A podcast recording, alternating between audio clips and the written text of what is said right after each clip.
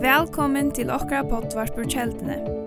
Loika mykje hvert var stater i dag, så vana vi at det hesen båskapring kan være til oppbygging for det og for tukt antall av loiv. Takk for at du loir av og njød dagsens båskap. Men uh, ja, en den her, uh, skal som si, det som er beri på i dag, det er nekka som føddes da vi tatt åndsboken, konsertene, konsertene, Men de det otroligt väl hända bultjen, helt det var öliga emuger, och öliga Jesus fokuserar i östen matan som då tar sig på att röka ut till människor och jag dem ta som då ger det, tar över nekvar de dem hade öliga, som man säger, brottnar bakgrunder och snär forsangaren han lustig vi vi är det 20 år sedan här i fria jag nu ur ödlon som man säger nej land jag det missbruke av ödlon möjligen slä och lustig han och, och, och nu brukar det här som man säger öskena ta vennene till noe vekkert, så då brukar det her i det till att färdast och bo om Jesus. och og jeg halte, uh, man kan säga, vi hittar till åkara samkommo, och det må vara när vi åkara samkommo til øyne kveld tog, som ska ikke någon att vi må röka ut till människor Vi må vinna människor för Jesus. Amen. Vi må växa ikke for okkara skilt, men for Guds rujtje skilt, at mennesker ikke skulle være fortapelse, men de skulle komme vi okkon til himmels. Så bjøver menneskene komme vi røkke ut og gjerne og ja, jeg tykker her vil for oss vet jeg som et Det er som noe mer mivvust evangeliserende arbeid i øyne. Og det er fantastisk. Og, og, og man merker her i, i samkommende at, som vi, vi sier, at det er en røring grunn Det er jo mennesker som blir møtt, det er mennesker som vilja nekka, og det er utrolig spennende. Og også nekka som er bøyde mest vi, tar i mennesker har vittna her i sursene, så har vi lukket som uttrykk brukt at jeg er så glad for disse samkomne, jeg er så glad for jeg har det som mitt heim, og jeg er så stolt av mine samkomne till år som är gynns natter och som samkom och uh, som man säger lörslen så vid huxa vid äckliga men där vid märka ah att det är människor här som där ber att komma sån här uttryck och säger wow ja men här är så så är det näka som tog hur nome vi utan man är stolt över någon så är det näka som man vill visa fram. Eh vi det är verkligen stolta av våra botten och vi kommer bara hitta efter sociala medier och snack man kan säga man har hicka mot baden hicka är så stolt. Man vill visa det fram. Då du blir stolt av den samkommen då du blir stolt av vad vi är så då är det du vill visa det här fram kom og sutt hos vi er sammen. Ikke tror jeg vi er nekka særlig, men tror vi elsker at oppleva Jesus. Kom og hikk sammen, vi ødelen okkur nå i samkomne her, ta vi nå koma sammen som en Guds familie. Kom og følg parst av den her hidan, og kvart er at høyra til en andalige samkomne som verden vil Jesus og bæra Jesus og så framveis. Ta gleder mot hjärta. Eh uh, och och ta sier mer att det är näka gott som är er i omfer. Og teksten som jeg atler geng ut fra i dag, han er ur 17. Korint, kapittel 15, kapittel 5 og vers 14. Halleluja. Jeg elsker folk som skiljer godt, men jeg er jo løy etter. Halleluja. Takk for Jannika. Og ta stendur så løsner og 17. Korint 5, 14. Tui kærløgje Kristus er tvingar okk. Vi hava jo dømt så, øyner deir fyrir öll, så er det öll dei, og han døye fyrir öll, fyrir at dei som liva skulle ikkje langur liva fyrir seg sjálf, men fyrir han som deir og opprisen er fyrir dei. Her etter kjenner vi tui ongan etter holdnån, om vi så hava kjent Kristus etter holdnån, kjenner vi han nu ikkje langur så. Om til øyne er Kristus, er han nødgjur skapningur, hitt gamla er færre til vår nødt. Og alt er til fra gode, som vi Kristus er samt i okkom vi seg sjolvan, og gav okkom tænast og sottarinnar. Tog jo Kristus er samt i god høymen vi seg sjolvan, og tilraknar tøymon ikkje synder tørra, og han er lagt nyer i okkom år sottarinnar. Vid er å ta sende og i sted Kristus er, som det hever god og i amente vi okkom. Vi bia og i steg Kristus her. Vere satt vi god. Han som kjente ikkje synd, gjørde han til synd for okkom, for at vi og i hånden skulle være rattvise gods. Og i beskriften fire, om vi skal si det her og det, så er det sende på Kristus her sender på Kristus her, det er det som er og to er. Og vi tar var tvei uttrykk i Nudja Testamentet som tås om det at være et sender på. Og andre år er presbeia, og hit er det, kanskje kjenner vi det ikke så øyelig vel, men hit er apostolos. Apostolos, det er jo en apostol, en som er sender. Så det kan merke sende på, eller sende herre, at virka som sender sendemauer, eller ombodsmauer, sendemauer, sendebås. Så det gonger lukka som en nøy kvørst anna. Og det er ut fra hessen her van åren at året sendebå eh, kjemur. Og det er øyn som er sender. Og at sendebå er ein ekveljande hutningar mykjel personer. Tui vikommande omboar nakka. Vi kommande omboar til som vi kommande er sendur fra. Og vi kan skal kjenne best hette her året sendur på og i form av et sende folk. Det er vel njavnan tås som sendestover, følger her i hava. Jeg vet ikke om du vet hvordan jeg var men det er jo tjej sendestover over her som folk er send ur føringar, er sender ur førjon, til at omboa førjar, til at omboa føresk AHA-mal, og så framvis. Til i ES, til er jo i Støra Brettlandet, til er jo i Oslandet, til er i Danmark, til er i Russlandet, til er jo i Kina, og til er den søgnesten som lagt opp for noen fagnaren, og i Israel. Så det er sende følgene som vi har sendt ut. Det er, man kan säga, sende på. Og i det så får jeg ta oss om fyra søyer av tog at være og et sende på. Hva det mest at være sende på. Og tid som var av BSK, skal noen for øynene kjenne om evangelisering til komme at kjenne somt av hessen her atter. Så, men utgangstøy er at jeg og to er en kristen, så er du et sendebånd. Så skal du vende deg til ankeren som sitter ved synet av deg og sier, du er et sendebånd. Så kan du også si, ja, men det er du også. Amen. Det første som jeg vil hitte etter, det er et kjenne fire sendebå Kristus her. Hvert er et et kjenne fire sendebå Kristus her. Jo, om vi fører atter til teksten her bort, så er det ikke vers 18, men 16.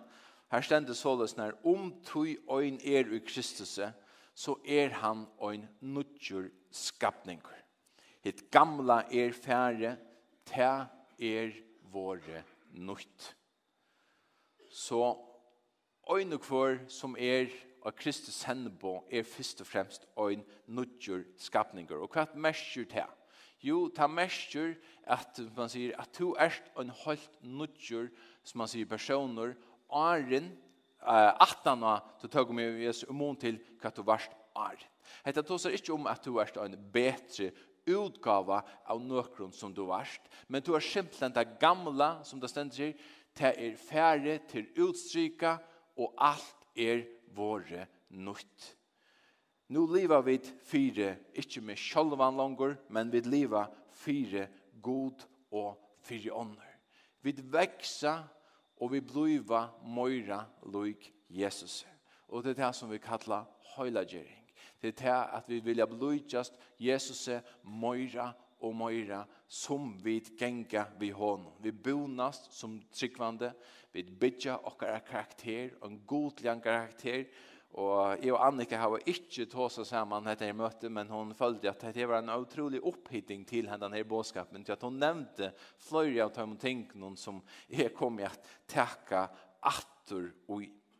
Tog at ta du erste sende på, ta du sender omkring til et annet land, så hytter deg, ok, hva er det for en personer. Hvis vi sender, sier vi sender Olaver til Danmark at ombå av färger. Om han ganger av bar kvart øyneste vikskift, og vi sier han til alle varsler, og vi til lukka som termynden nå, er hatta tær som skal, end, som man sier, endur spekla färger. Er det her som er utgavna av färger vi vilja sutja?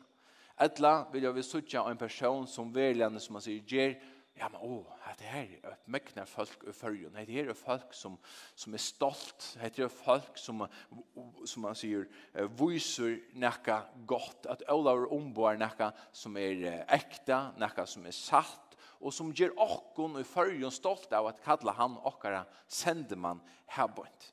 Folk hittar etter det her. Og folk hittar etter det her og mer som kristen. Hva er du? Hvor er du? Hvordan ser du ut? Eh, Guds oppfører det. Hva for omvalg har du mittelen folk? Er, er du en gauer enge? Apropos det som Annika så vel lustig og gjerne. Til det som er vi kristendommen, til det du kanst ikke feika det. Nu er også det gamle, hva man er til feika, feika, altså. Du kanst ikke lukka som leta som om du kanst ikke lumpa til at folk vilja sutja det til nek ting som du kanst lumpa det til her i løvnum men du kanst ikke lumpa det til om du er en sannur kristin eller ikke. Ta vil sutjast Jesus sier av trenon skal avvøkstren sutjast vi gjør nøron hvis du er et appelsintre så vil jeg vil sutja til at det er appelsinere Er du en kristen, så vil jeg fruktnar tunnen løyve avspekla tutt løyv. Det ber ikke til at eh, feika det. Og ta du blod kristen, så vil appetittren øysene fyrtøy som vær kvarva. Du vil ikke ha ho til det som du gjør det i noen gamla løyve, så å si. Nu er det som som kan skal säga men Big Eva är släckat och tar sig om till jeg vil sammen med Jesus är alltid halleluja. Det er den beste vittnesbörden vi kunne hava at du alltid hever gynnsi sammen med Jesus. For mot vi kommande, ta var det 16 år gammel, eller trutja det er Arne var 16 år, tog i øyna stov.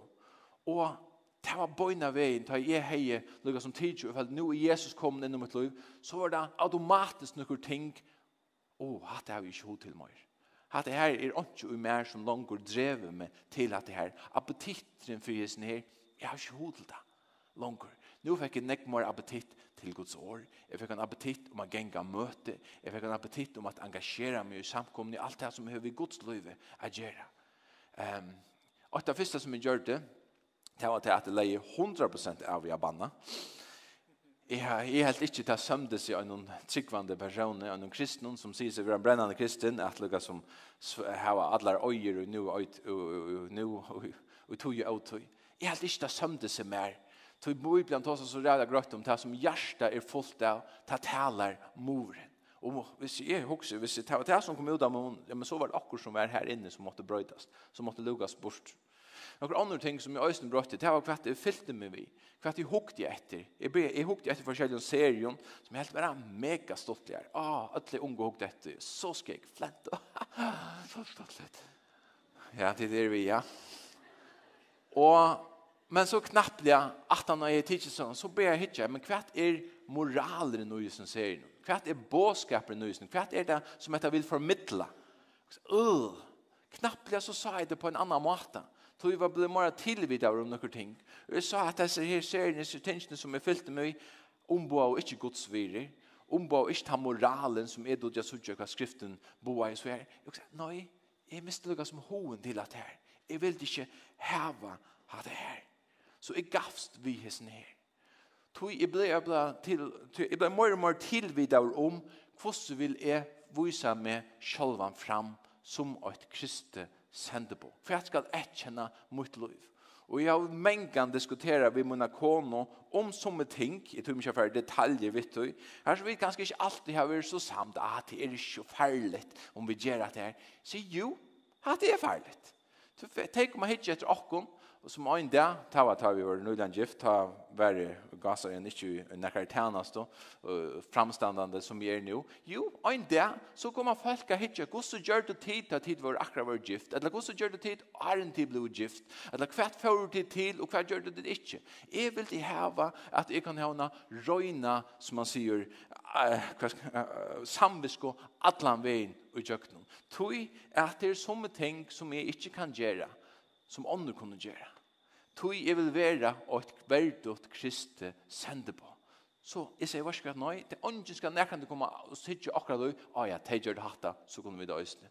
Jeg vil, og, og, du vil kalla meg bort hamrande konservativan, hvis vi skulle bruka det moderna jeg uttrykker det. Det er det her som lukkar som, ah, det er så konservativ, og hun sier, uh, uh. Nei, jeg røyner at jeg avspekler det som Guds år vil at jeg skal si. Jeg vil det, skal jeg kjenne mot liv. Tøy, det var som Annika sier jo Johanne at jeg og to kunne være den øyneste bibelen som det vantrykvande nærkran du kommer av suttja. Så spør nykren, da man deg til som det suttja etla ikkje. Og jeg blir for godt skilt at det er suttja en person som gonger i kjeldene, som har kjeldene sitt andalig heim, at det er dama til som det suttja. At vi er å gå, til som ikke kjenner okken til det nekka som tiltrekker og ikkje frastøyter kan du høre et amen. At vi er et sendebå som dreier folk til oss. Og det stender så når i åretørsene 13 og vers 6. Det stender godlest sendebå fettler og vannlokko. Men trofastor båbøyre, eller trofast sendebå, er halsebåt. Så det er en stor måneder av hva for kjeldet du hever. Er du godleser, etla er du øyn som vil avspekla god. Ta ber halsbøt, sier året.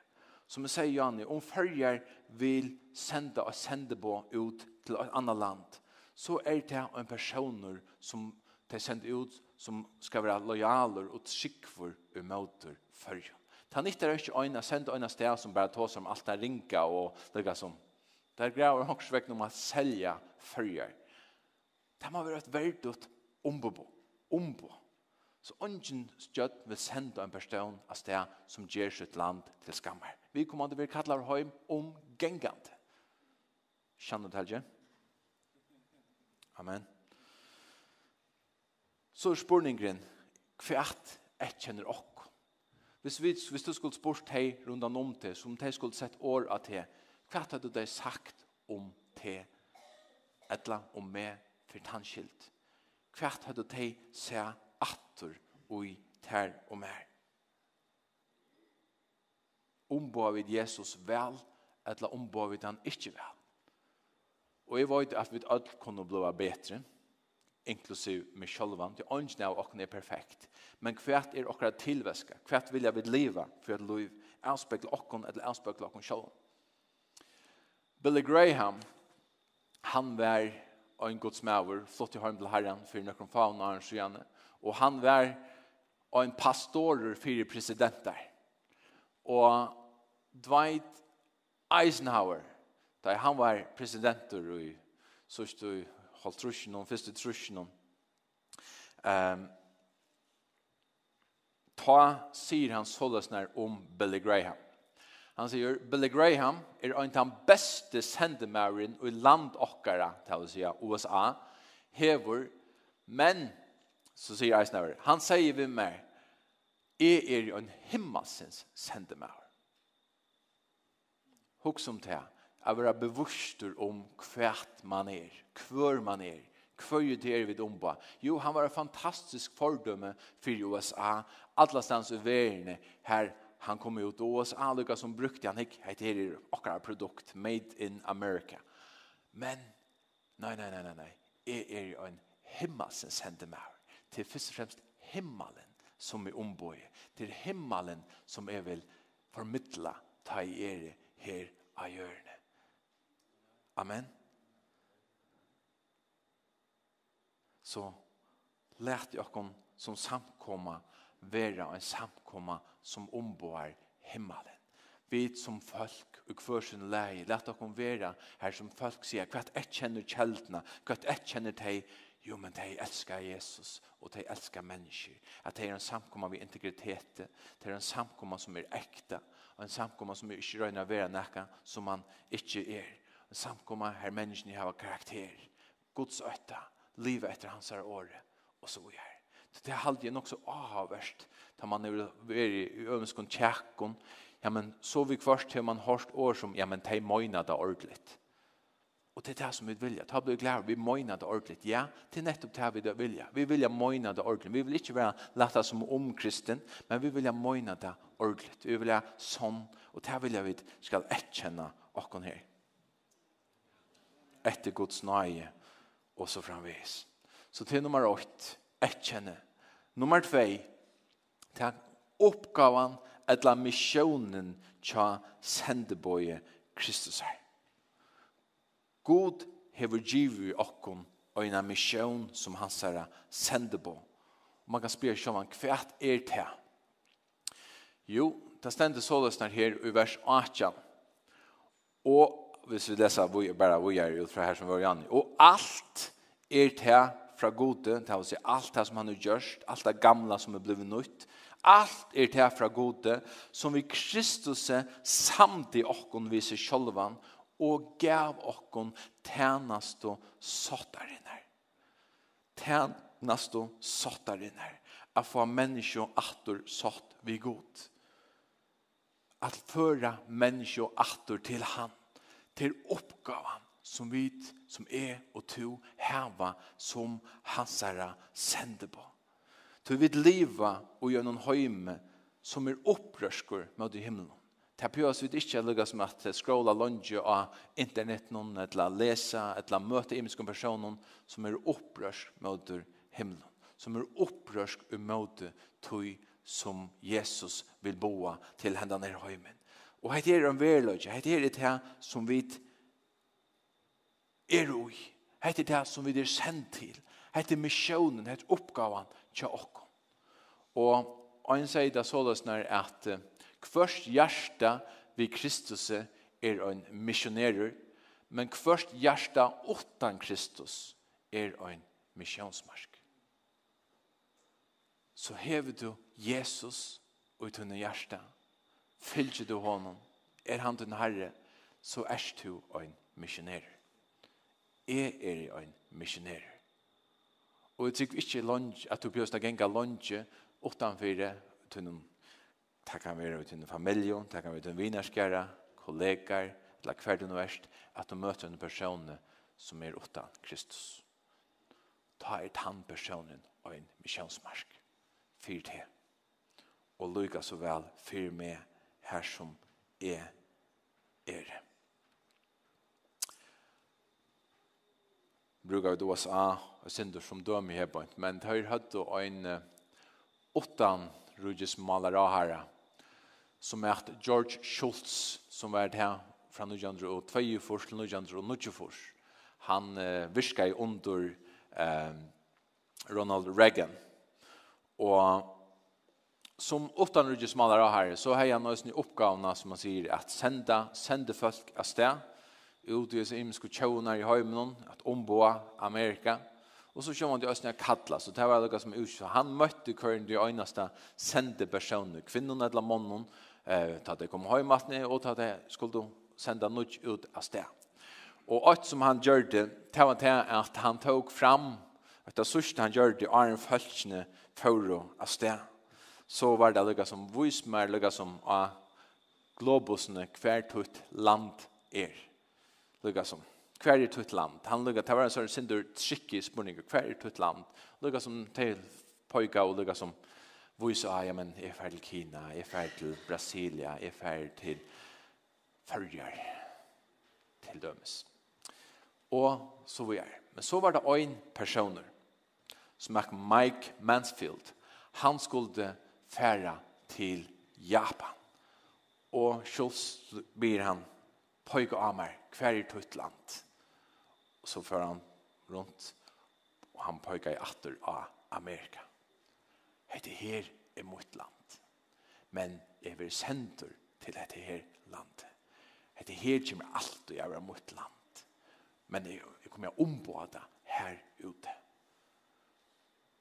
Og Schultz sier hette her, at han har lukka som han har gjort, så sier han, vi vikommande Arjen, han var sender av sted. Gløym omgantøy at høyast to erst i hans land noen, så er landtøyt USA. To ert her for at ombå okkon, røk okkara ahamal og gløym til omgantøy. Og to ombår hømsins besta land. Så han sier, gløym omgantøy hva det er for land ombar. Det som han, man tar sig ofta om amerikaner i rörliga patrio, patriotiske, tar rörliga stolter av Amerika, tar halde at lika som allt Amerika är lika som allt det goda, the American dream och allt det här. Men det är också väckna näka som det här att doa att byggt in, byggt in i sitt folk att man är stoltur av att vara amerikaner ångsväckna. Nu var det ikke om sannløgjen er til om du spyrst han møgne personen som bor i USA, men til gudskje mynden utan til at man er amerikanare, tror stolt folkasle och så vidare. Och inte gäller det men han säger här, glöm ungan du kvärt for landet to omboer. Og hvis vi skulle føre det ivet til okken, vi omboer ta bästa steg. Vi omboer himmelen. til är inte enn än kvärt vid kunna omboa än just det. Let okkon heldur til gløyma te. Gløyma hva det er som vi omboa. Tøy alla stenes her vi færa, så omboa vi Jesus. Om du vil det eller ikke, alla stenes her som du fæst, så omboar du Jesus. Alt det som du skriver ut av Facebook, ta omboar du Jesus. På gott og ont til til te, til te som det suttja. Vi kvart så er det vi er tjekk her i fyrjun, og ta det her vi, vi landstorsfolk a gjerra.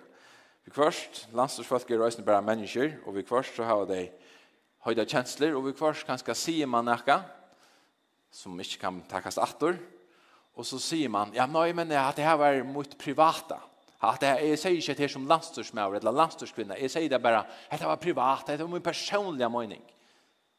Vi kommer att vara lika som mundet sagt kjøl halvår vegna til som man sier til lukka mykje om du, er om du hellre rätt till privata mening. Du er landstorsmär, du er landstorskvinna just nu. og til det som du vill via og etter jeg kan ikke föra ut av götterna och nei jeg er bara byggvit her i høyma. Det er bara byggvit her i kjeltene.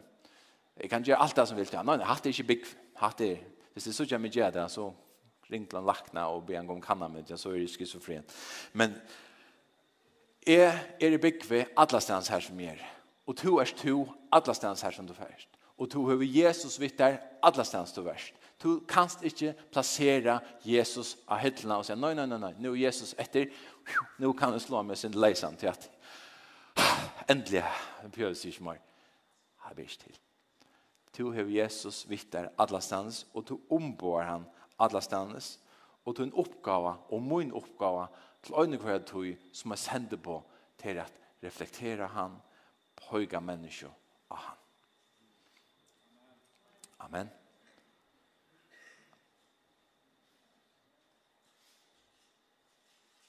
Halleluja. Det kommer punkt nummer 2 av 4. Nummer 3.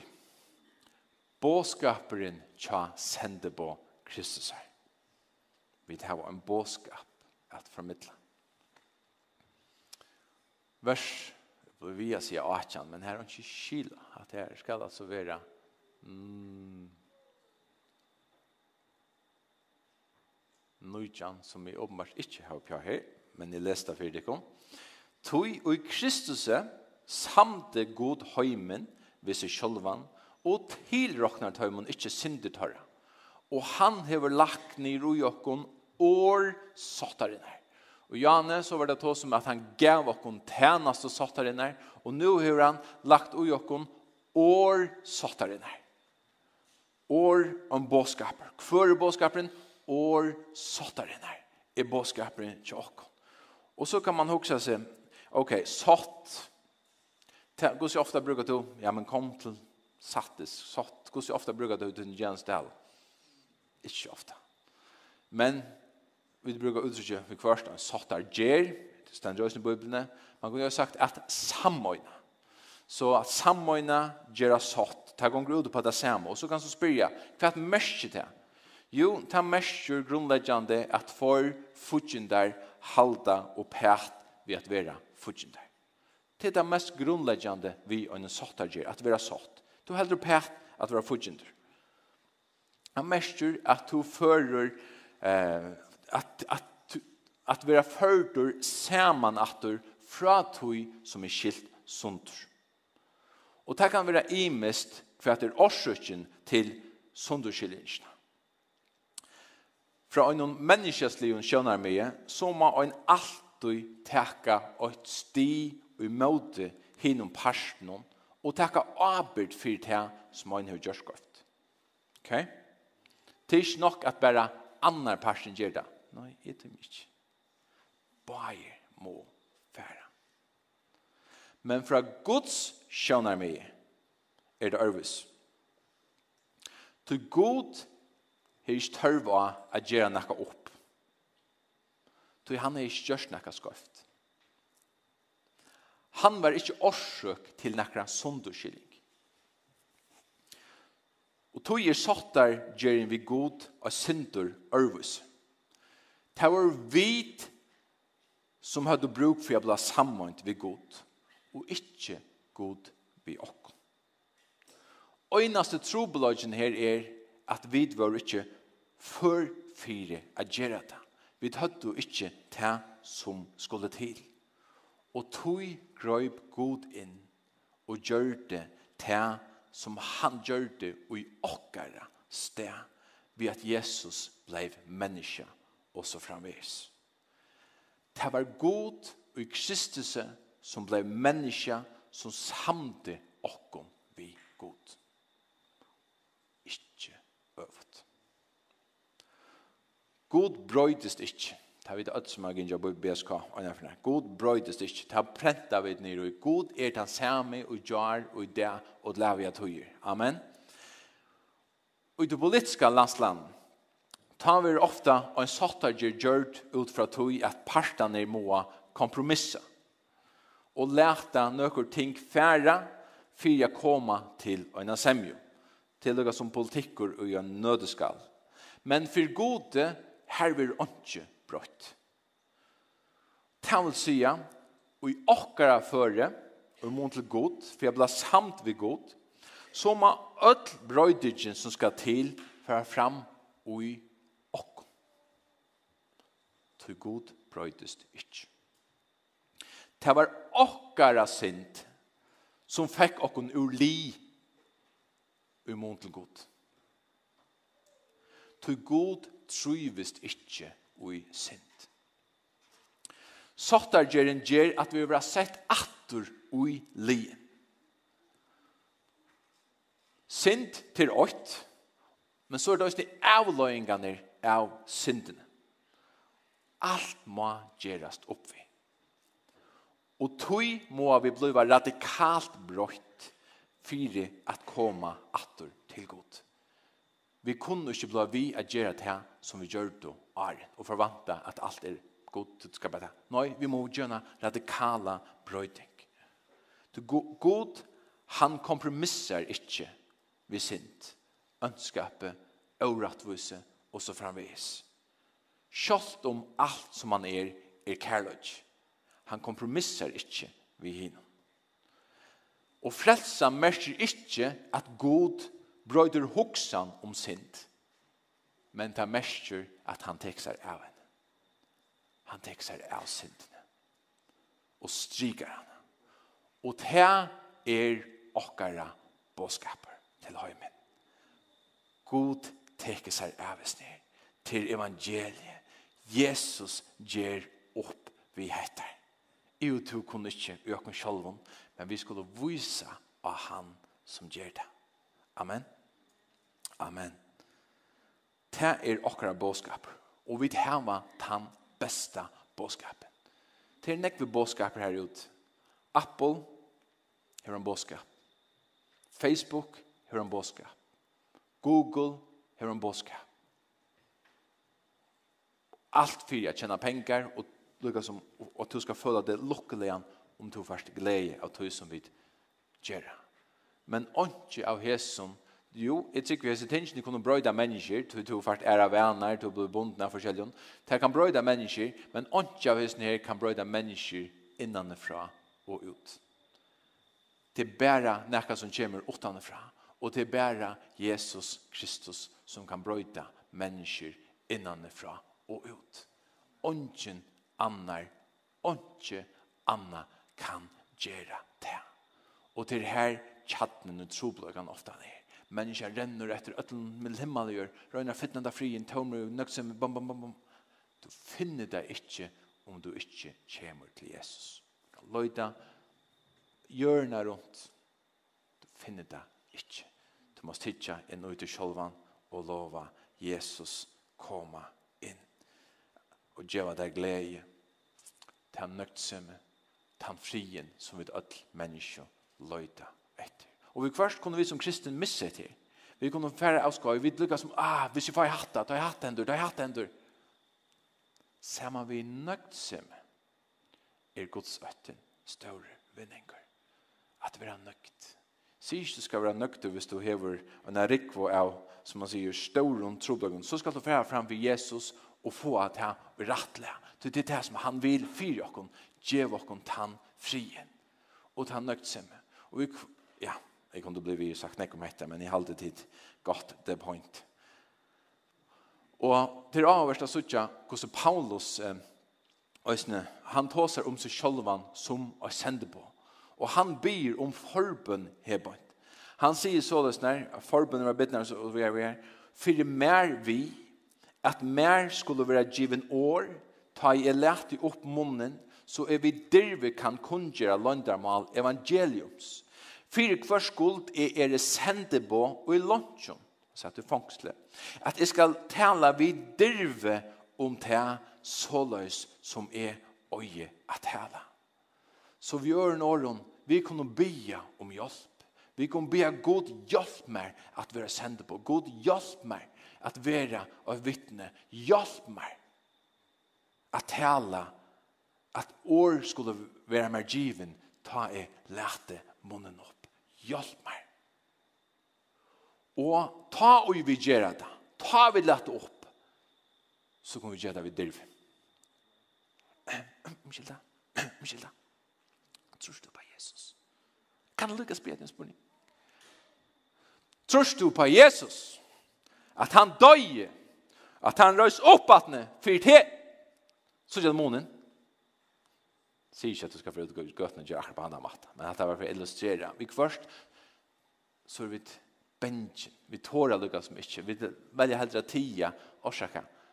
Men Paulus sier vi at mer vi dirve, og dirve, til ikke å være butter, men når man teker høvet, du kan skal høyre akkurat, du kan skal høyre akkurat, spidler akkurat ut, eller du har akkurat, bam, her er et kjøtt her, er for det niks, så det snar er rikk. Jeg har vi opplevd Jesus som gjør heit og heit og heit løyve.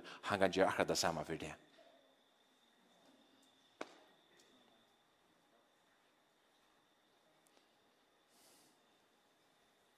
Så lært okkon vera djørv. Vi, det som Øystein avhørt har suttet her, Paulus, han er ui fangsle. Det vil si, han er ui totalt trångonskjøn. Han er jo i omstående som åndsene okken ikke er i, men allikevel så byr han etter her. Og det mestjer at det er ikke omstående som er avhengig av om du kan støyla Jesus eller ikke. Det er ikke avhengig av hvordan du føler, hvordan du hever deg, eller hva du vil oppleve som gjør at du kan støyla Jesus eller ikke. Til kraften kommer omgang du gjør det her, men hun kommer fra hånden som vi boer. Amen. Så kunne vi ikke oansett omstøver, oansett hva vi der og kunne vi døyla Jesus vi ånder. År sottar inn her. For mennesker hava bruk for det. Så du skal ut alt en undermeta og en aktiva handling. Du skal alt en undermeta a bjaua og en person vi. Tøy vi vita ikke hva det er som god gjør. Oit som eh, var ta, ja, omgang jeg ordentlig hokse om det for en Charleston nämnde det, men han tog sig om att böla. Vet du vad att böla är? Det är faktiskt den här tojen nu, så först ut i nattorna så är vi det enda någon av nu tar fåglarna rörast. Tar litja och i sunnen röjre. Och jag blev öliga störst mentor att har man vi hus, Så vi tar en høn just nu som ligger av tutsch og äggon. og vi er så rævlig spent til disse ungene kommer ut. Sälja bötterna. Kanskje er det aller mest, men inte det. Og hendan her hønan har noen kjøtt li her i øyne tjo dier. Og hon er ikke gjort. Hun vil kvarst hun lykker røsje, finnes ikke sindre etta, sindre drekka, men så er hun ferdig natter og laks som bare hon kan gjøre. Dekker ødles gjør edgen hevet. Hon bøler. Og tar hun li og at bøla, så kommer nekker unger ur hesten her edgen. Men hvis hun er hoks at hun har det er, nei, nå tog vi ikke mer så kommer han ikke Rocket science. Nei, for flest og fokler så er det mellom trutjar og fyra viker som må litja av røyren her mest som det og natt. Ikke etta nek, ikke pissa nek, ikke kokka nek, alt det her. Bare ligger her på en. Jeg husker, oh my, det er det tål. Men så kommer det slutt. Og Charleston tar seg om en andaliga bøling at vi kunne bøla iver menneske. At vi kunne gjøre bønnen bøla, Være biande, avhaldande, biande, avhaldande bjøa, avhaldande lukka som stretcher oss ut, avhaldande røkka ut, og så til endans knapplega, så bryter fyrir nev, andaliga tala. Jeg vil komme via møte, et eller annet Du kan så fortelle meg sin du møyre om at her er jeg det tungt nå. Bøla. Det stender i 1. Mønsbøk kapittel 2. Låsanger kan gå komme opp nå. Det stender at Heilig anden han svøy meg i vår vøttene medan gjør en enver øyen og tog. Og vi vet ikke, så stender det nästa, så god sier velja oss, og ta velja oss, og så blir han skapa. Men han, han svøy meg, og til er dette her eh, eh, hebreiska året, eh, som øyder Rachaf. Og til han mestur at bøla. Høyleanden, han bøla i iver vøttene. han var vi og skapa denne prosessene. og han er også vi og bøla, ta og vidt, bia, ta vi stretch okken ut, ta vi røkka okken ut. Så lett okken, men vi må halda fast, vi må ikke djevast at han der fem, at han er der tutsjo, at han er der holdt rush, vi må bla vi, entil vi sutja djøknen bråte. Entil det kom, til vi først, så stekka prosessen. Hvis du først er fortulja, hvis fuglen først er fortulja, så stekka prosessen. Men vi må bla vi a bøla. Tog vi hava den her så viktiga bådskapen som de må få att vita. Det alla sista punkten här på nu. Kvart er motivet jag sende på Kristus her. Hva er motivet jag mer. Hva er drivkraften. Hvor skal det gjøre det som vi gjør? Jo, ta løs vidt i vers 14. Her stender så løs nær at kærløyge Kristus er tvinger okkom. Kærløyge Kristus er alt fingar okkom. Ikke vi egnan vinning, til er ikke vi har posisjonera seg sjølvan, til er ikke vi har få allega som, ah, det, det, det, what is in it for me, og så er. Nei, til er udelukkande, sier Paulus, til kærløyge, Kristus er som tvingar okkom a gjera det som vi gjera. Det var godt på jeg spela seg. Til det som skal være motivet, at vi må skilja hvordan nekv god elskar hans her menneskene. Hvordan større han kærløyga han hever til deg. Til det som skal tvinga okkon. Til det som skal være okkara motivasjon. Tui, nasta verset sier jo, vi har jo dømt så, øyne deir fri ødl, så er tei ødl deg, og han døy fri ødl, for at tei som liva, til å si, er og to, til han døy fri okkon, skulle ikkje langer liva fri seg sjolv, men fri han som deir og opprisen er fri tei vi liva ikke langer for oss selv, men det snur seg om ånder menneske. Og det er jo så nekva går taler om others, hvordan vi kan leve for ånder, stretch oss ut for ånder, og så vi er, og så vi er. Men det som jeg vil bare male opp her i det, til det her tøtningen av tilviskene at vi er og at sende på for Jesus. At vi omboer den beste personen, vi omboa ta besta stegi himmelen og tog skulle vi vi dirve vera ta som vi der og kalla i til Amen Amen vi skulle sutja mennesker leggjast av treat vi skulle sutja mennesker bli frelst Det er galdande for øynekvønn av okkom. Vi ødel hava etter. Jeg tåsa i søgnast om Høyli Anden som okkar hjelpar. Han gjør hon kraft til å være vittne. Og etter øyne en parstad. Høyli Anden er vi okkom og i ødeles ned. Han god over utrast okkom. Han er givet oss til som skal til for å være og sende på. Amen. Så vi kvart, så dama som mennesker ikke samkomna, tog her er kanskje personer eller akkurat som er gjørst av okkur. Og gå oss til, vars til at du gjørst okkur med okkur personer som helder personen at du fra å komme og møte, fær så til den personen og be om fyrtjøring. Vi, vi tar ikke råd til at folk blir fornærmet og så, det er ikke det verst. Fodgjenden vil komme inn og gjøre alt for jeg gjør det.